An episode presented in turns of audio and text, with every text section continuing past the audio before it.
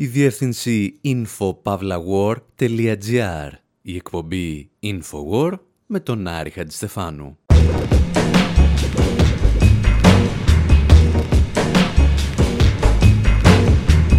όπου σήμερα αλλάζουμε μερικά γράμματα στο Lonely Planet και σας ταξιδεύουμε από το Ιράν του Σάχη μέχρι τις Βρυξέλλες των Λόμπι. Παρακολουθούμε την ιστορία ενός κυρίου που δεν άκουγε καλά, αλλά έδωσε μια εξαιρετική ιδέα σε μια παρέα νεαρών επιστημόνων που αποφάσισαν να τα βάλουν με τα ισχυρότερα λόμπι του πλανήτη. Ξεφυλίζουμε το Lobby Planet, τον απόλυτο οδηγό για τις ομάδες πίεσης που καθορίζουν την ατζέντα της Ευρωπαϊκής Ένωσης για λογαριασμό τραπεζών και μεγάλων επιχειρήσεων. Και ύστερα παρακολουθούμε από κοντά τα καμώματα ενός συγκεκριμένου λόμπι που σκορπάει αφιδό στο θάνατο από την εποχή του Πρώτου Παγκοσμίου Πολέμου μέχρι τις μέρες μας. Στρίβουμε τσιγάρο στο διάολο με την ελπίδα να τον σκοτώσουμε μια ώρα αρχίτερα και συζητάμε για κάτι κυρίους με κουστούμια που κάποτε δούλευαν για δικτάτορες και σήμερα αφιερώθηκαν στην υπεράσπιση των καπνοβιομηχανιών. Remember the name? Matthew Mother's called Space Captain.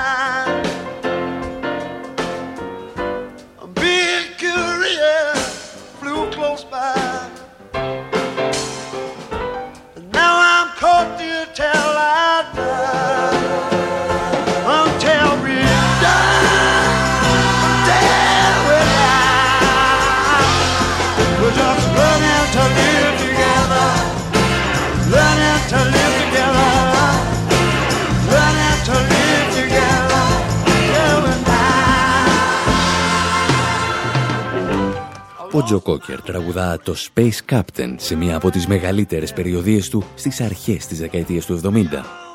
Τραγουδά για έναν καπετάνιο του διαστήματος που πέρασε λέει από αυτό τον υπέροχο πλανήτη, τον ερωτεύτηκε και αποφάσισε να μείνει εδώ. Υπέροχος πλανήτης όπως Lovely Planet Μόνο που αν δεν έχεις καθαρίσει καλά τα αυτιά σου ή αν πηγαίνεις στις συναυλίες έχοντας πιει τα ίδια πάνω κάτω με τον Τζο Κόκερ, ενδέχεται να ακούσεις Lonely Planet, δηλαδή μοναχικός πλανήτης. Κάτι σαν να λέει το τραγούδι «Soy un perdedor» και εσύ να ακούσεις «So open the door». Συμβαίνουν αυτά.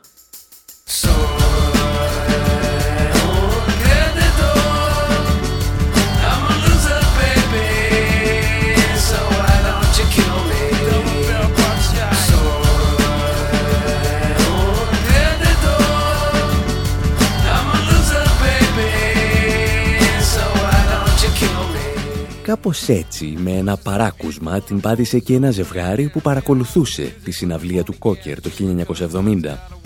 Η Μωρίν και ο Τόνι Βίλερ, αντί για Lovely Planet, άκουσαν Lonely Planet. Και όταν η μοίρα τους έφερε να φτιάξουν το διασημότερο ταξιδιωτικό οδηγό των τελευταίων δεκαετιών, τον ονόμασαν προς τιμήν του Τζο Κόκερ με λάθος τίτλο. Για την ιστορία να σας πούμε ότι οι συγκεκριμένοι οδηγοί όταν ξεκίνησαν δεν είχαν την παραμικρή σχέση με ό,τι γνωρίζετε σήμερα. Η Μωρίν και ο Τόνι Βίλερ απευθύνονταν κυρίως στο κίνημα των hippies, προσφέροντας συμβουλές όχι μόνο για το πώς θα επιβιώνουν με ελάχιστα χρήματα, αλλά ακόμη και για το πώς θα διαχειρίζονται τη μαριχουάνα τους πριν εισέλθουν σε χώρες όπως το Ιράν. Για την ακρίβεια, η συμβουλή ήταν καταναλώστε την ή πετάξτε την. Εμάς πάλι μας ενδιαφέρει ένα άλλο παράκουσμα του Lovely Planet που δεν έγινε όμως κατά λάθος. Θέλουμε να σας διηγηθούμε την ιστορία των Lobby Planet, κάτι περίεργων ταξιδιωτικών οδηγών που εκδίδει από το 2011 το αγαπημένο μας παρατηρητήριο της Ευρώπης των Πολυεθνικών, κάπου στις Βρυξέλλες. Για να καταλάβετε όμως τι ακριβώς κάνουν αυτά τα παιδιά, θα πρέπει να σας βάλουμε στο κλίμα με τη βοήθεια των Stereolab.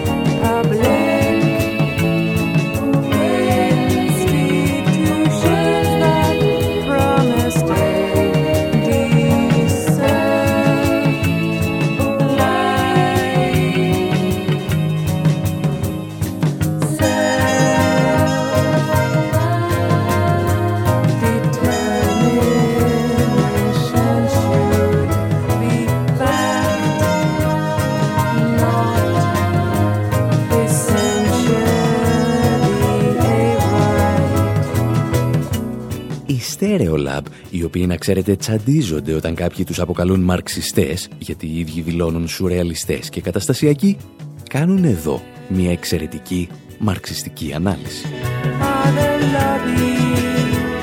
Τραγουδούν για δικτατορικά καθεστώτα τα οποία κρύβονται, λέει, πίσω από ένα δημοκρατικό μανδύα και κατεδαφίζουν αυτά για τα οποία άνθρωποι εργάστηκαν χρόνια.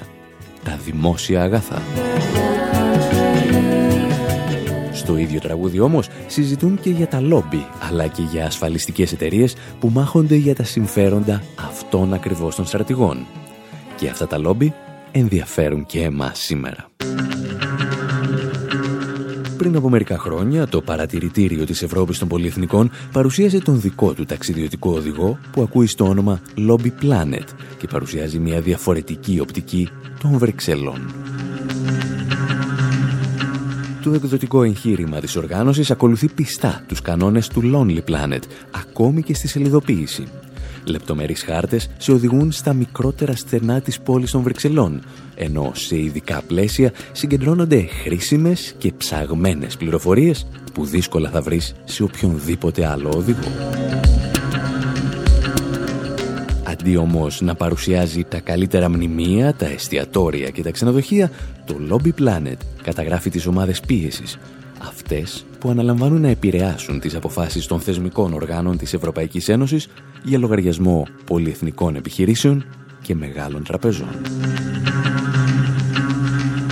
Μαθαίνεις έτσι ότι δίπλα στον κυκλικό κόμβο του Σούμαν θα συναντήσεις την Aquafed, το λόμπι που δημιούργησαν οι γαλλικές εταιρείες ίδρευσης Σουέζ και Βεόλια για να πείθουν την Ευρωπαϊκή Ένωση να ξεπουλά το πολυτιμότερο δημόσιο αγαθό, το νερό. Στον αριθμό 155 της Rue de la Loi, εκεί όπου κάποτε στεγάζονταν το αρχηγείο των ναζιστικών στρατευμάτων κατοχής, σήμερα συναντάμε το Συμβούλιο της Λισαβόνας. Πρόκειται για ένα πανίσχυρο think tank το οποίο χρηματοδοτείται από εταιρείες όπως η Shell, η Siemens, η Google, η Tesco, η Philips και η IBM. Και δουλειά του συγκεκριμένου κουβά σκέψης είναι να προωθεί νεοφιλελεύθερες πολιτικές.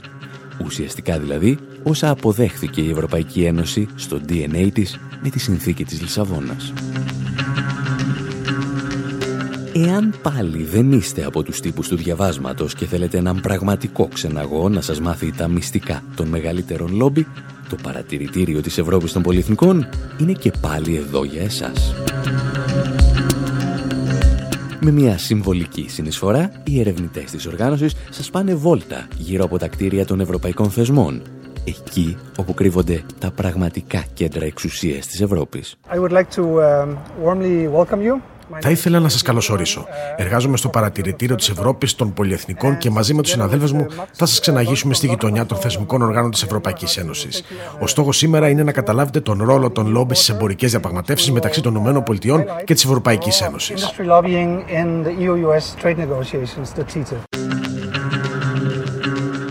Και αν μέχρι σήμερα τα κτίρια των θεσμικών οργάνων και των πολυεθνικών σας φαίνονταν ψυχρά και επικίνδυνα βαρετά, οι ερευνητές μας αναλαμβάνουν να τους δώσουν νέα πνοή. Στεκόμαστε μπροστά από το κτίριο της Ευρωπαϊκής Επιτροπής. Από τη δεκαετία του 90 στεγάζονται εδώ πολλά τμήματα της Κομισιόν συμπεριλαμβανομένης της Γενικής Γραμματείας του Εμπορίου. Η Γραμματεία έχει μακρά ιστορία, πολύ στενή συνεργασία με ομάδες λόμπι uh, with business lobby groups.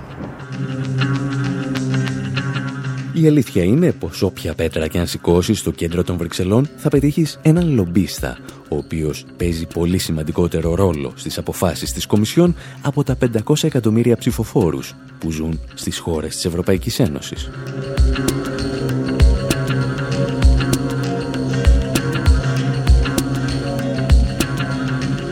Προφανώς, εάν αρχίσεις να εκδίδεις ταξιδιωτικούς οδηγούς, δεν μπορείς να περιοριστείς σε μία πόλη.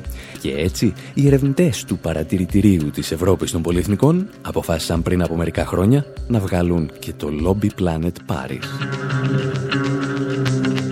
Γι' αυτό όμως θα συζητήσουμε σε λιγουλάκι.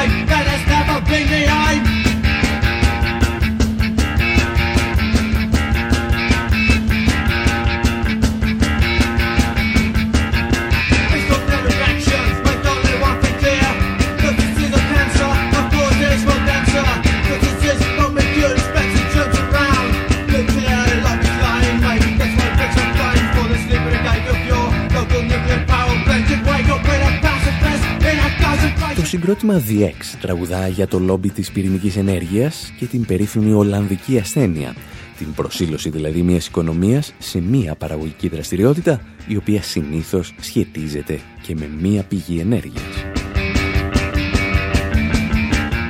Για την ιστορία, το πρόβλημα του συγκροτήματος δεν ήταν τι κάνει το λόμπι της πυρηνικής ενέργειας, αλλά τι δεν έκαναν οι φιλιρινικοί Ολλανδοί οικολόγοι.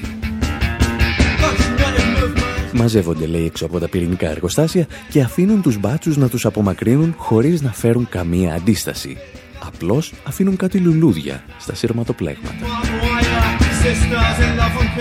Πρόσεξε, καταλήγει το τραγούδι, μην σε πάρει ο ύπνος μπροστά από κανένα πυρηνικό σταθμό, γιατί μπορεί να ξυπνήσεις μαζί με τίποτα άλλους φιλιρινικούς διαδηλωτές σε κάποιο στρατόπεδο συγκέντρωσης. Εμείς πάλι επιλέξαμε το συγκεκριμένο τραγούδι γιατί πηγαίνει γάντι με τον δεύτερο μεγάλο ταξιδιωτικό οδηγό που εξέδωσε το παρατηρητήριο της Ευρώπης των Πολυεθνικών, το Lobby Planet Paris. Ο οδηγός αυτός εντοπίζει και παρουσιάζει τους περιβαλλοντικούς εγκληματίες που όπως ανέφερε συμμετείχαν στη διάσκεψη των Ηνωμένων Εθνών για την αλλαγή του κλίματος πριν από ένα χρόνο. Ακολουθώντας και πάλι τη δομή ενός ταξιδιωτικού οδηγού, το Lobby Planet Paris σε βοηθούσε να βρει στα γραφεία της Total, της Shell, της ExxonMobil και άλλων πετρελαϊκών κολοσσών που όπως εξηγούσε προσπαθούσαν να μπλοκάρουν κάθε πολιτική για τη μείωση των εκπομπών διοξιδίου του άνθρακα. Στον οδηγό όμως έβρισκες και μεγάλες τράπεζες ή ασφαλιστικές εταιρείες όπως η BNP Paribas, η AXA, η Credit Agricole και άλλες που επενδύουν σε ρηπογόνες τεχνολογίες και σε ορυκτά καύσιμα. Το σημαντικό όμως είναι ότι ο οδηγός δεν περιοριζόταν σε μία απλή καταγραφή των ισχυρών παικτών που καθόριζαν το παιχνίδι, αλλά εξηγούσε το ίδιο το παιχνίδι. Μέσα από χάρτες που έδειχναν λόγω χάρη τα κεντρικά γραφεία τραπεζών, όπως η Deutsche Bank, εξηγούσε πως η νεοφιλελεύθερη ατζέντα επιτρέπει στο χρηματιστηριακό κεφάλαιο να κερδοσκοπεί ακόμη και με την καταστροφή της φύσης. Και αυτό γίνεται ως γνωστόν μέσα από το λεγόμενο χρηματιστήριο ρήπων, όπου πολλούνται και αγοράζονται δικαιώματα ρήπανσης. Εμείς πάλι θα σας συμβουλεύαμε να κατεβάσετε άμεσα τον οδηγό με την Deutsche Bank γιατί μπορεί να είναι συλλεκτικός. Και εκεί που σήμερα βρίσκονται τα κεντρικά γραφεία της να έχει ένα τεράστιο κρατήρα από την οικονομική φούσκα που αναμένεται να σκάσει. Κατεβάστε λοιπόν όλα τα Lobby Planet και αν θέλετε βοηθήστε τους δημιουργούς τους με μια μικρή οικονομική ενίσχυση να εκδώσουν τον επόμενο οδηγό που βρίσκεται ήδη στα σκαριά. Όλα αυτά γίνονται μέσα από τη διεύθυνση corporateeurope.org.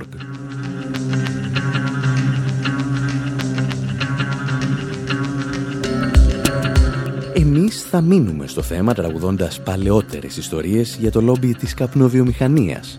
Πρώτα όμως έχουμε μια μικρή ανακοίνωση να κάνουμε. Αυτή την 3η 12 Ιουλίου συμπληρώνεται ένας χρόνος από τις διαπραγματεύσεις της Ελλάδας με τους δανειστές που ακολούθησαν το δημοψήφισμα. Μια ομάδα ακτιβιστών από τη Φραγκφούρτη μας ενημέρωσε ότι εκείνη την ημέρα θα προβάλλει το ντοκιμαντέρ μας This is not a coup μπροστά στο κτίριο της Ευρωπαϊκής Κεντρικής Τράπεζας. Και εμείς τους απαντήσαμε ότι θα οργανώσουμε μια αντίστοιχη προβολή στην Αθήνα, προβάλλοντας μάλιστα και υλικό που δεν έχει κυκλοφορήσει ακόμα στις αίθουσες. Στόχος μας μάλιστα είναι να συνδέσουμε τις δύο εκδηλώσεις μέσω ίντερνετ. Όλες τις λεπτομέρειες όμως θα τις βρείτε στη διεύθυνση info.pavlawar.gr This is a public service announcement 기타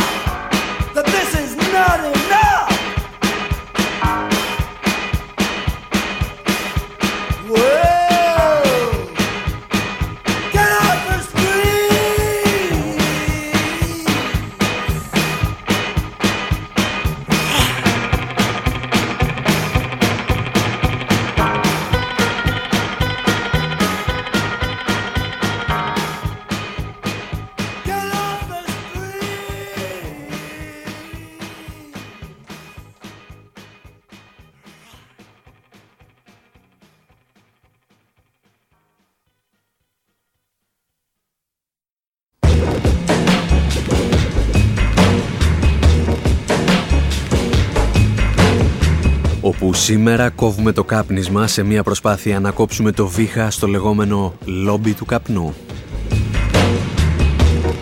Αναρωτιόμαστε εάν οι καπνοβιομηχανίες χρησιμοποιούν τους ίδιους ανθρώπους οι οποίοι οργανώνουν και πραξικοπήματα σε ολόκληρο τον πλανήτη.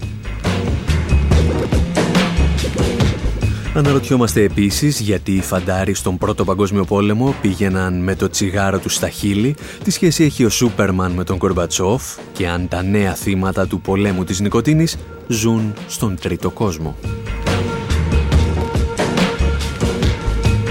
Ακόμη σας καλούμε να ανεβείτε με τα παπούτσια στον καναπέ και να φάτε το ψαράκι από τη γυάλα, πριν αυτό μεγαλώσει και γίνει το μυθικό τέρας Λεβιάθαν.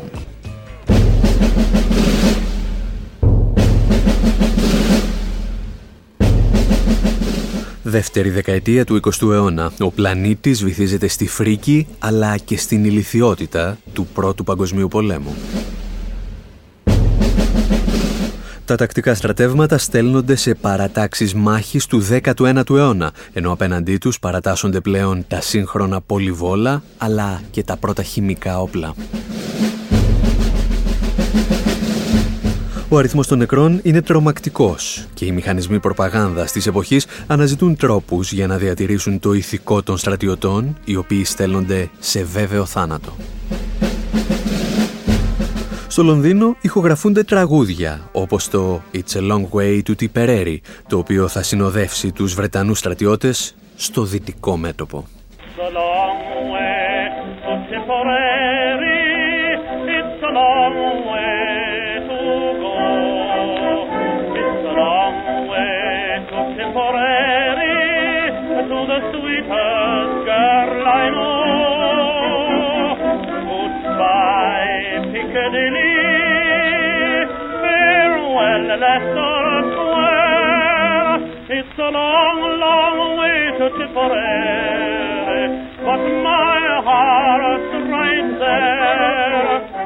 Γεια σου Πικαντήλη στο καλό Leicester Square. Είναι μακρύς ο δρόμος για το Τιπερέρι, αλλά η καρδιά μου ανήκει εδώ, στο Λονδίνο, τραγουδούσε τότε ο Τζον Μακκόρμακ.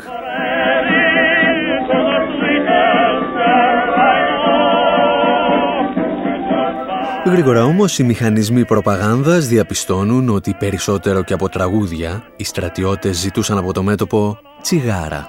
Και έτσι ένα άλλο τραγούδι αναλαμβάνει να στείλει το μήνυμα. Μην ξεχάσεις λέει να στείλεις τα τσιγάρα του Τόμι, όπου Τόμι ήταν κάποιος φαντάρος που άφησε τα κοκαλάκια του στο μέτωπο.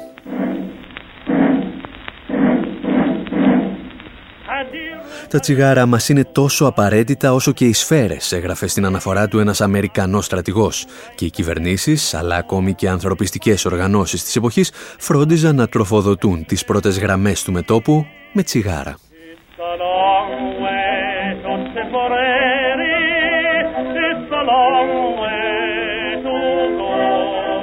Σήμερα οι ίδιοι στρατιώτες, εάν βρίσκονταν κάτω από παραπλήσιες συνθήκες, ίσως να σιγομουρμούριζαν ένα άλλο τραγουδάκι, εκείνο των White Stripes.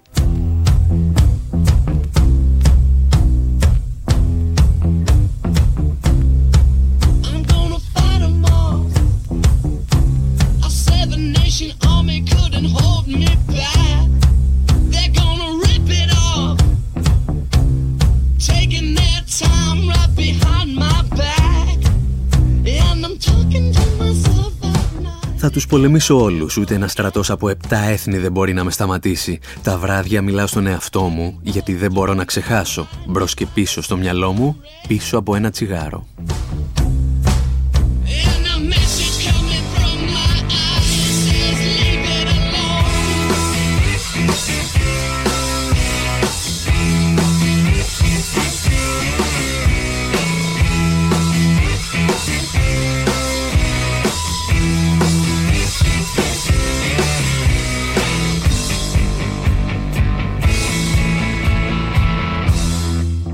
Προφανώς το γεγονός ότι οι κυβερνήσεις στην περίοδο του Πρώτου Παγκοσμίου Πολέμου έστελναν τσιγάρα στο μέτωπο δεν εντασσόταν σε κάποιο σχέδιο εξόντωσης των στρατιωτών με καρκίνο του πνεύμονα. Οι φαντάροι ως γνωστόν πρέπει να είναι ζωντανοί για να μπορείς να τους θερίζεις με τα όπλο σου.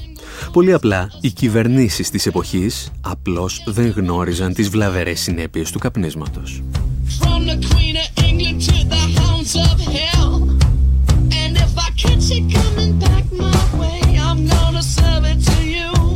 Ακόμη και οι μεγαλύτεροι αντικαπνιστές της ιστορίας δεν είχαν ακόμη στο μυαλό τους τα πιθανά προβλήματα υγείας, όπως αυτός εδώ ο κύριος.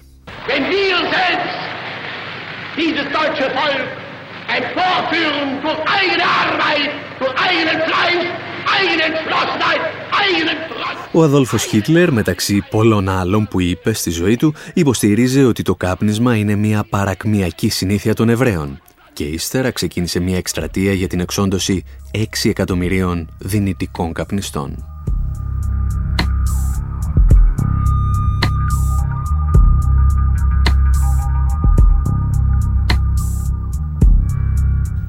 Περίπου τα ίδια υποστηρίζει και ο βασιλιάς Ιάκωβος ο πρώτος της Αγγλίας το 1604 όταν έλεγε ότι το κάπνισμα είναι άσχημο στο μάτι, δύσοσμο για τη μύτη και επικίνδυνο για το μυαλό.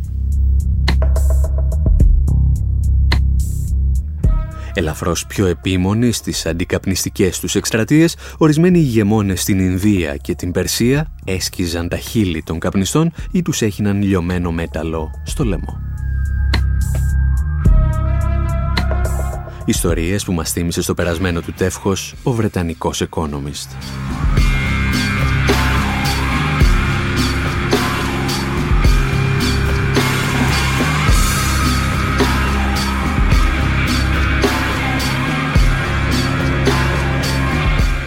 Είναι προφανές ότι κανένας από αυτούς τους ηγεμόνες δεν ενδιαφερόταν για την υγεία των υπηκόων του και δεν θα μπορούσε να το κάνει γιατί ούτως ή άλλως οι πρώτες τεκμηριωμένες έρευνες για τις βλαβερές συνέπειες του τσιγάρου θα κυκλοφορήσουν μόλις στη δεκαετία του 50.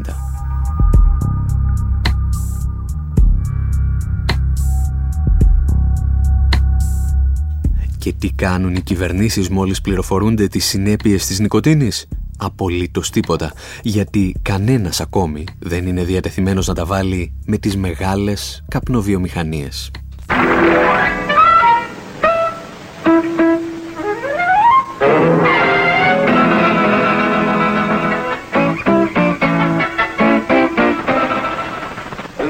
Yes, dear. Give me a cigarette, will you, hon? Don't say cigarette, say Philip Morris. Oh, is there any other kind? Βρισκόμαστε στα μέσα της δεκαετίας του 50 και η περίφημη Lucille Ball, το τηλεοπτικό ίνδαλμα εκατομμυρίων γυναικών στις Ηνωμένες Πολιτείες, διαφημίζει τα τσιγάρα του αμερικανικού κολοσσού Philip Morris.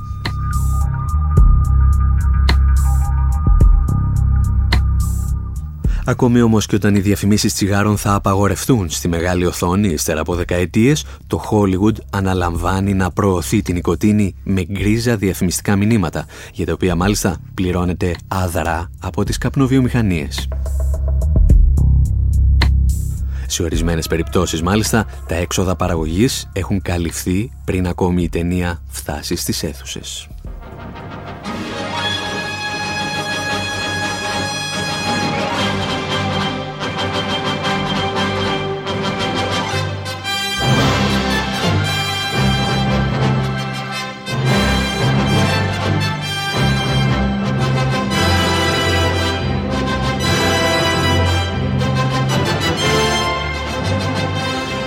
Ο Σούπερμαν λόγου χάρη αναδεικνύεται σε έναν από τους καλύτερους πελάτες του λεγόμενου λόμπι της νοικοτήνης. Πολεμά τους αντιπάλους του μπροστά σε τεράστιες αφήσει αλλά και φορτηγά τον Μάλμπορο.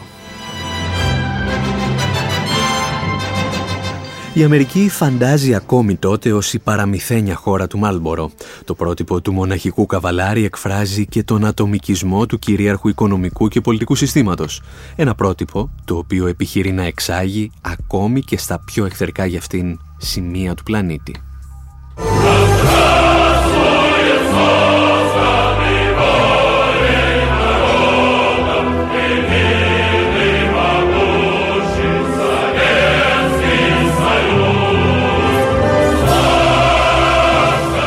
Στα τέλη της δεκαετίας του 90 η Σοβιετική Ένωση βρίσκεται στα πρόθυρα της κατάρρευσης και η κρίση παρουσιάζεται με έναν μάλλον περίεργο τρόπο.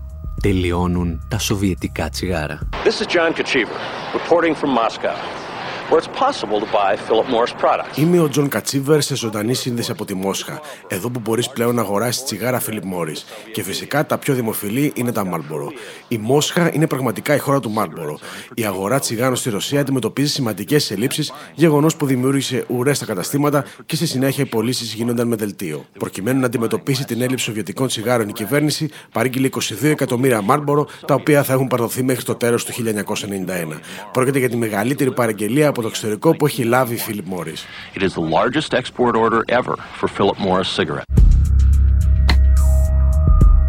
Ο εκπρόσωπος της Philip Morris εκείνη την εποχή λίγο έλειψε να ισχυριστεί ότι ήταν η εταιρεία του που τερμάτισε τον ψυχρό πόλεμο. Firstly, the Soviet government is very pleased to have their crisis solved. Καταρχάς, η Σοβιετική κυβέρνηση είναι ικανοποιημένη γιατί ξεπέρασε την κρίση που είχε προκύψει. Κατά δεύτερον, ο ρωσικός λαός είναι ικανοποιημένος γιατί για πρώτη φορά έχει επιλογή στα τσιγάρα που θα καπνίζει. Η επιλογή είναι ένα απόσπαστο τμήμα της δημοκρατίας και της ελευθερίας. Τέλος, και η Αμερικανική κυβέρνηση θα πρέπει να είναι ευχαριστημένη γιατί αυξάνοντας το εμπόριο τσιγάρων ενισχύει το εμπορικό ισοζύγιο. Επίσης, αυτή η κίνηση θα ενισχύσει τη σχέση της Αμερικανικής και της Σοβιετικής κυβέρνησης σε μια κρίσιμη περίοδο.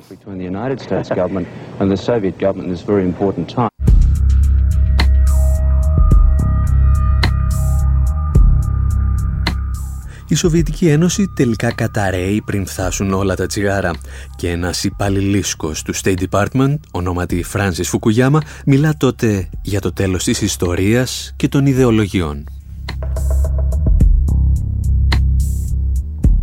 Ιδέες βγαλμένες από την καρδιά της Ουάσιγκτον, τις οποίες σήμερα αναμασούν μόνο κάτι οργανώσεις όπως η Σέχτα Επαναστατών.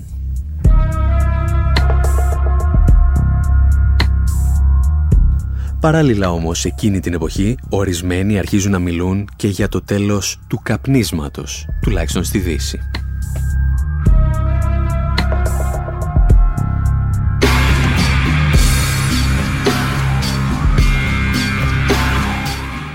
Το λόμπι του τσιγάρου αναγκάζεται να κινητοποιηθεί άμεσα για να αντιμετωπίσει την απειλή. Αναζητά εταιρείες που μέχρι πρώτη στήριζαν δικτάτορες σε κάθε γωνιά του πλανήτη και τους αναθέτει να εκπροσωπήσουν τα συμφέροντά της.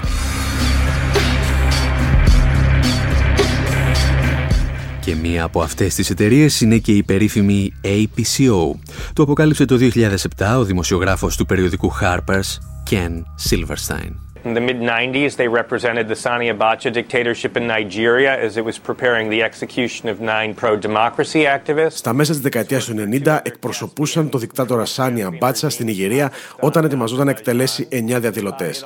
Επίσης εργάστηκαν και για δύο ακόμη διεφθαρμένα καθεστώτα στην Κασπία, το Καζακστάν και το Αζερμπαϊτζάν. Στο παρελθόν είχαν στήσει μια ψεύτικη οργάνωση για λογαριασμό της Φίλιπ Μόρις, η οποία ως μοναδικό στόχο είχε να σπηλώνει την υπόλοιψη δικηγόρων οι οποίοι στρέφονταν εναντίον μεγάλων καπνοβιομηχανικών βιομηχανιών.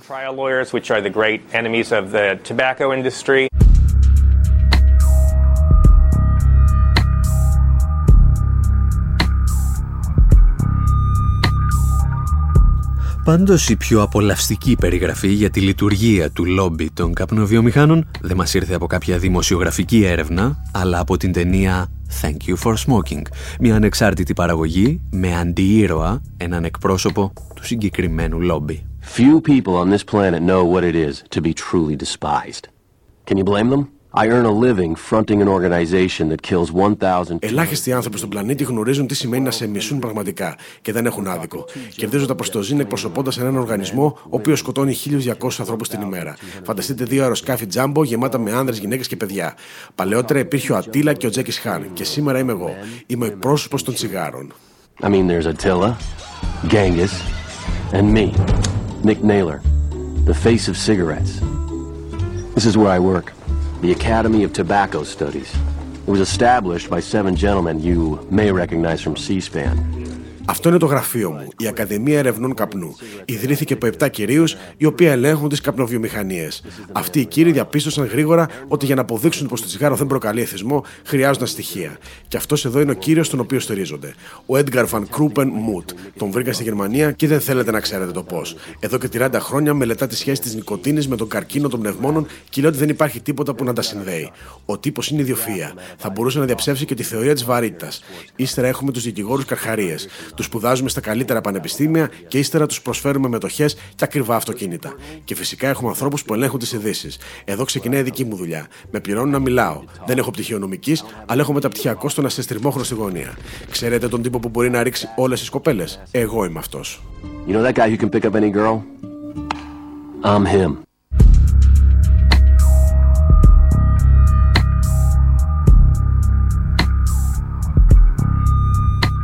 Υπολογίζεται ότι ακόμη και σήμερα το λόμπι της καπνοβιομηχανίας μόνο στις Ηνωμένες Πολιτείες δαπανά 106.000 δολάρια την ημέρα για να επηρεάζει τις αποφάσεις του Αμερικανικού Κογκρέσου.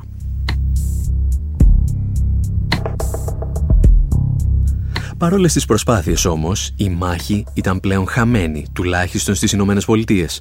Το 1997, οι μεγαλύτερες καπνοβιομηχανίες τιμωρήθηκαν με πρόστιμο 246 δισεκατομμυρίων δολαρίων, τμήμα του οποίου διατέθηκε για αντικαπνιστικές εκστρατείες.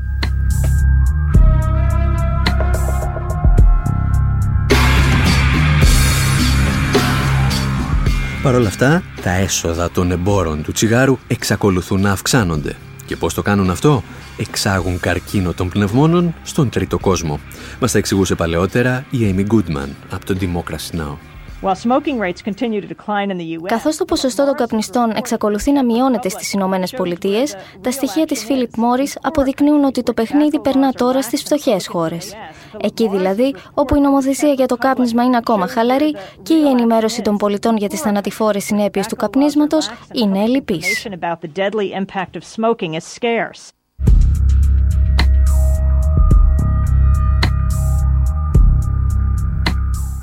Στη δεκαετία του 90 σε αυτές τις φτωχές χώρες για τις οποίες μιλούσε το Democracy Now εντάσσονταν και οι χώρες του πρώην Ανατολικού Μπλοκ.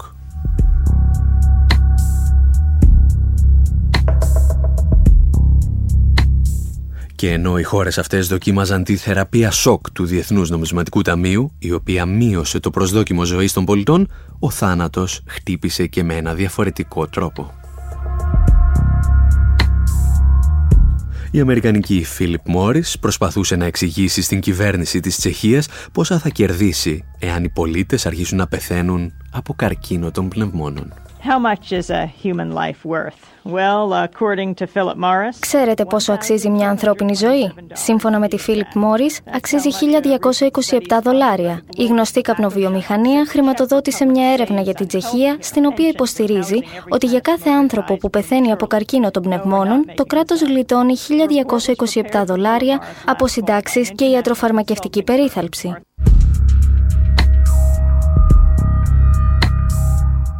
Ομολογουμένως το να αφήνεις τους πολίτες να πεθαίνουν προκειμένου να μειώσεις το δημόσιο έλλειμμα και να δώσεις ζωή στην οικονομία δεν το είχε σκεφτεί ούτε το Διεθνές Νομισματικό Ταμείο.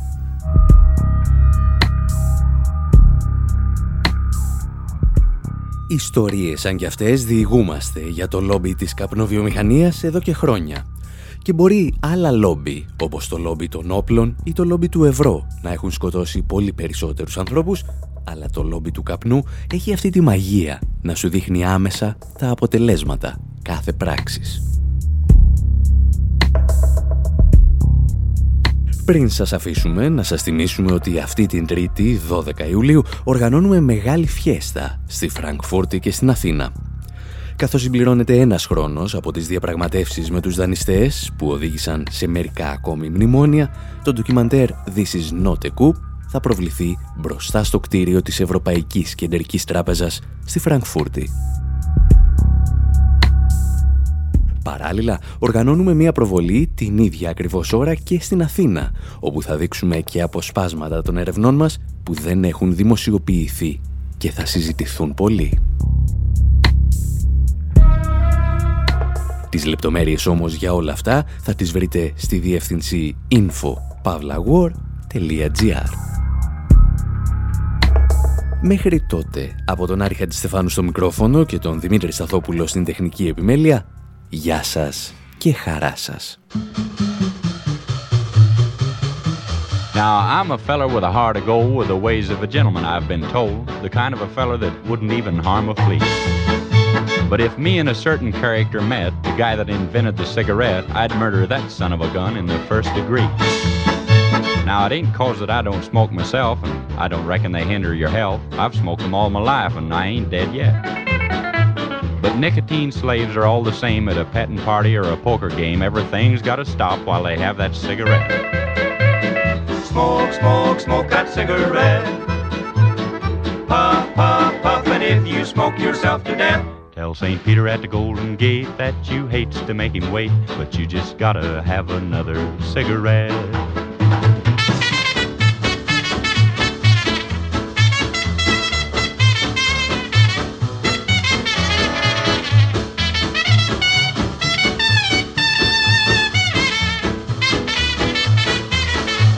Now, in a game of chance the other night, old Dame Fortune was doing me right. The kings and the queens, they just kept on coming around. Then I got a full and I bet it high, but my bluff didn't work on a certain guy. He just kept on a raising and a laying the money down. Now he'd raise me and I'd raise him. I sweated blood, I got a sink or swim. He finally called and then didn't raise the bet. I said, Ace is full, pal. How about you? And he said, Well, I'll tell you in just a minute or two, but right now I just gotta have a cigarette. Smoke, smoke, smoke that cigarette.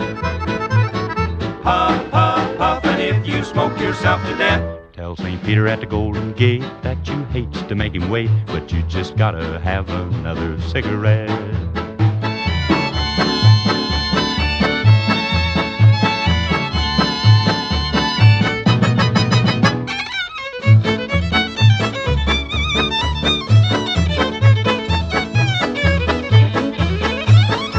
Other night, I had a date with the cutest little girl in the 48 states, a hybrid uptown fancy little dame. Now, she said she loved me, and it seemed to me that things were just about like they ought to be, so hand in hand we strolled down Lover's Lane. She was oh so far from a chunk of ice, and our smooching party was going real nice. So help me, Hannah, I think I'd have been there yet. But I give her a kiss and a little squeeze, and she said, Tex, excuse me, please, but I just gotta have another cigarette. Smoke, smoke, smoke that cigarette. Puff, puff, puff, and if you smoke yourself to death, tell St. Peter at the Golden Gate that you hates to make him wait, but you just gotta have another cigarette.